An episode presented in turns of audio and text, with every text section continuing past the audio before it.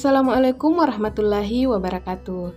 Halo para pendengar Sipurenu FM, gimana nih kabarnya hari ini? Semoga sehat selalu dan tetap semangat ya.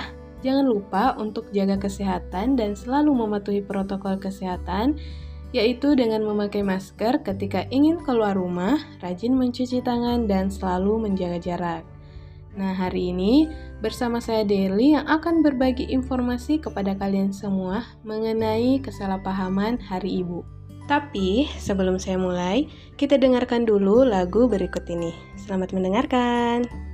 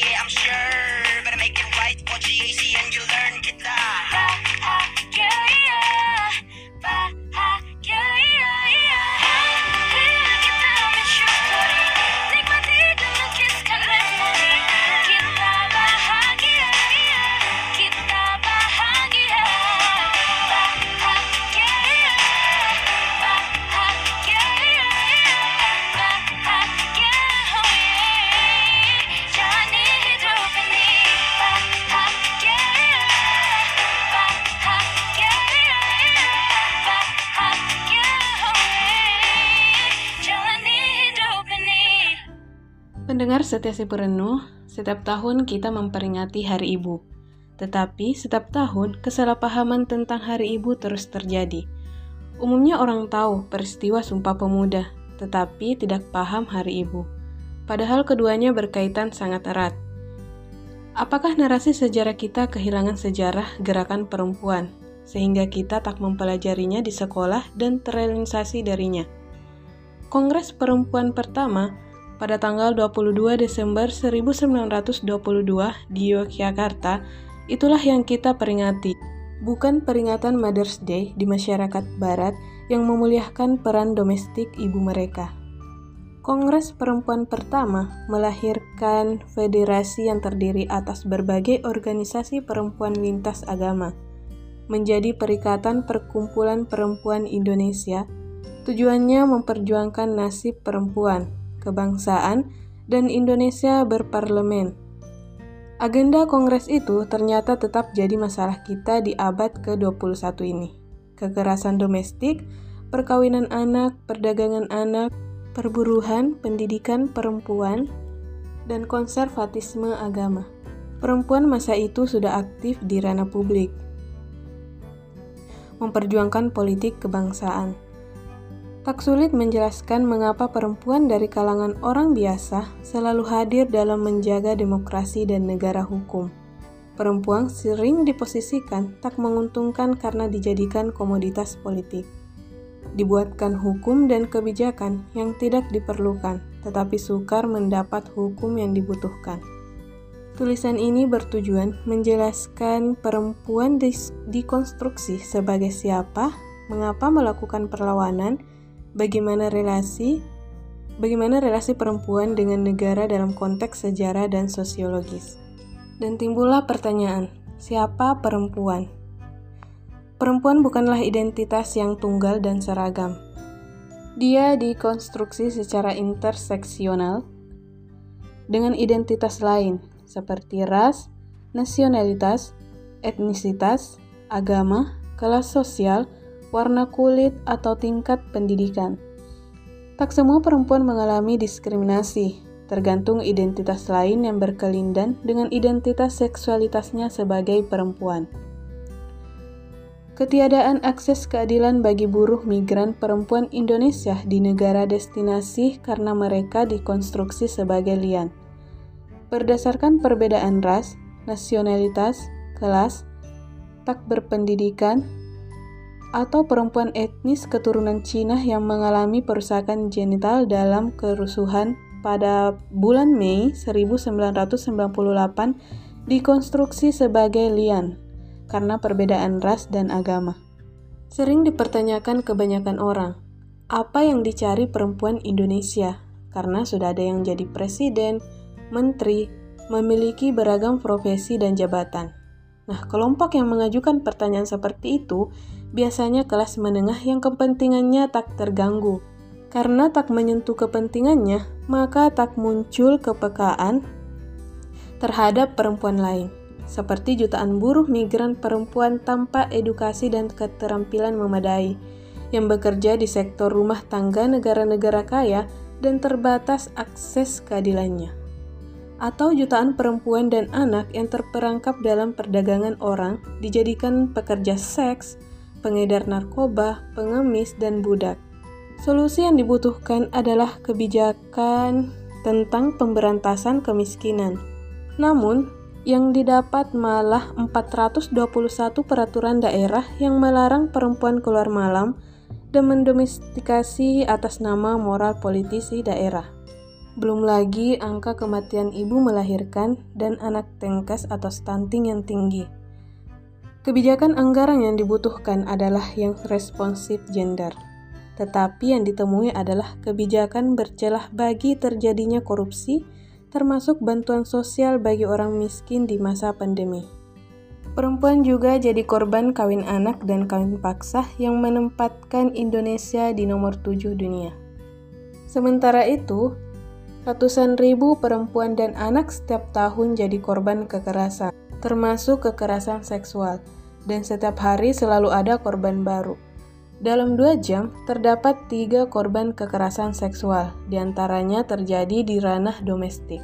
Oleh karena itu, perempuan dan anak membutuhkan pengesahan RUU penghapusan kekerasan seksual segera. Mereka tak membutuhkan RUU ketahanan keluarga yang merendahkan martabat keluarga Indonesia. Dianggap tak berakhlak sehingga harus diawali negara agar menjalankan moral yang ditetapkan secara sepihak oleh partai politik. Mereka tidak bisa membedakan ranah etika dan hukum yang apabila dipaksa dijadikan satu, justru akan membusukkan satu sama lain. Nah, bagaimana perlawanan perempuan? Yang ke mana-mana ya, saya akan kembali setelah lagu berikut. Selamat mendengarkan.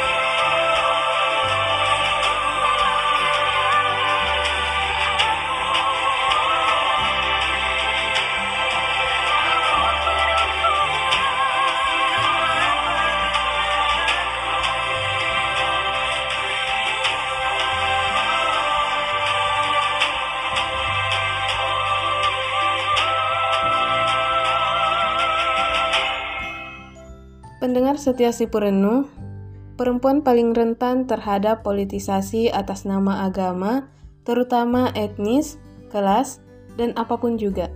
Ketika politik identitas dan klaim kebenaran atas nama Tuhan diteriakkan para politisi agama, yang paling terdampak adalah perempuan, termasuk disebut dengan kata yang merendahkan dirinya – Celakanya, cara ini disetujui mereka yang ingin berkuasa lewat pemilihan kepala daerah atau desa.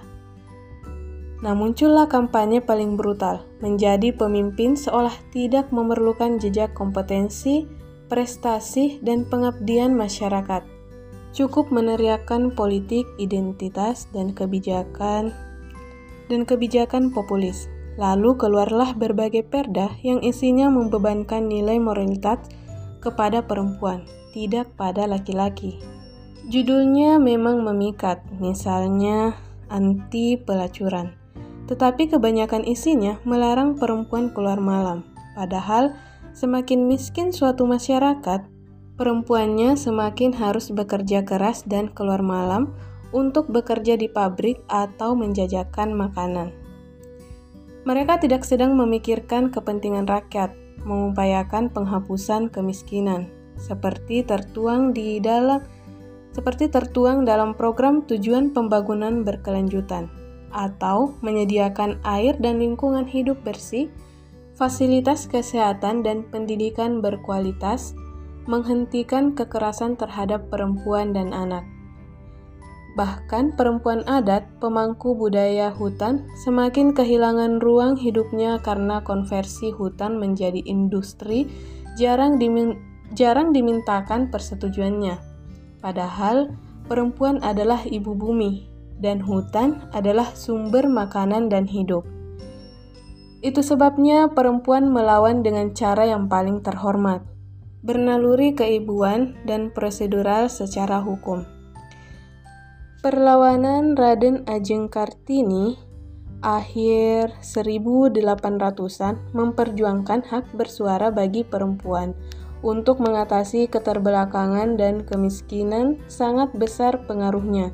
Pada tahun 1915, organisasi Suara Mahardika mengirim mosi kepada pemerintah Belanda menuntut menuntut persamaan di muka hukum. Kongres Perempuan pada tanggal 22 Desember 1928 bergema di Nusantara. Banyak perempuan dari generasi tahun 1928 mengirim anak-anak mereka bersekolah ke Jawa agar bangsa pribumi tak diperlakukan sebagai kasta paling rendah di Hindia Belanda. Pada tahun 1930, Perikatan Perkumpulan Istri Indonesia mengirim mosi minta hak politik dalam pemilihan Dewan Kota dan tahun 1938 sudah ada perempuan duduk di Dewan Kota. Sesudah itu, perempuan tak pernah berhenti berkongres, ikut perang di garis depan, tetapi juga mewujudkan naluri keibuannya melalui dapur umum dan palang merah di seputar kemerdekaan.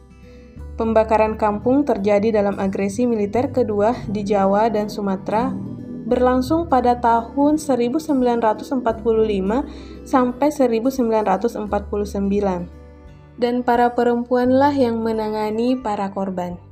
Jadi bisa dibilang bahwa bangsa Indonesia terbukti mampu melalui segala cobaan berat berkat gerakan masyarakat sipil termasuk perempuan. Namun, perempuan juga melawan negara ketika rakyat tak terlindungi. Hal itu dibenarkan oleh rule of law dan demokrasi yang kini harus dipahami tidak asal memenangi suara terbanyak, tetapi juga memenangkan yang benar. Oleh karena itu, mari belajar dari para ibu Indonesia menempatkan perempuan dalam peran tradisionalnya bertentangan dengan fakta, sejarah, dan sosiologis biarkanlah mereka menemukan ruang sosial barunya. Perempuan tahu kapan saatnya berjuang di ranah publik dan kapan saatnya pulang ke rumah menjadi ibu biasa. Nah, para pendengar si Purenu semuanya, itulah tadi informasi yang sempat saya sampaikan mengenai kesalahpahaman Hari Ibu. Informasi yang saya sampaikan tadi uh, dari Ibu Sulistiawati Irianto, Guru Besar Antropologi Hukum, Fakultas Hukum Universitas Indonesia. Jadi para pendengar Sipurenu semuanya, Hari Ibu tak bisa dilepaskan dari peristiwa Kongres Perempuan pertama di Yogyakarta pada tahun pada tanggal 22 Desember tahun 1928. Peristiwa tersebut merupakan awal bangkitnya gerakan perempuan Indonesia. Baik, sampai di sini dulu saya menemani kalian. Semoga informasi yang tadi saya sampaikan dapat bermanfaat. Mohon maaf apabila ada salah kata. Wassalamualaikum warahmatullahi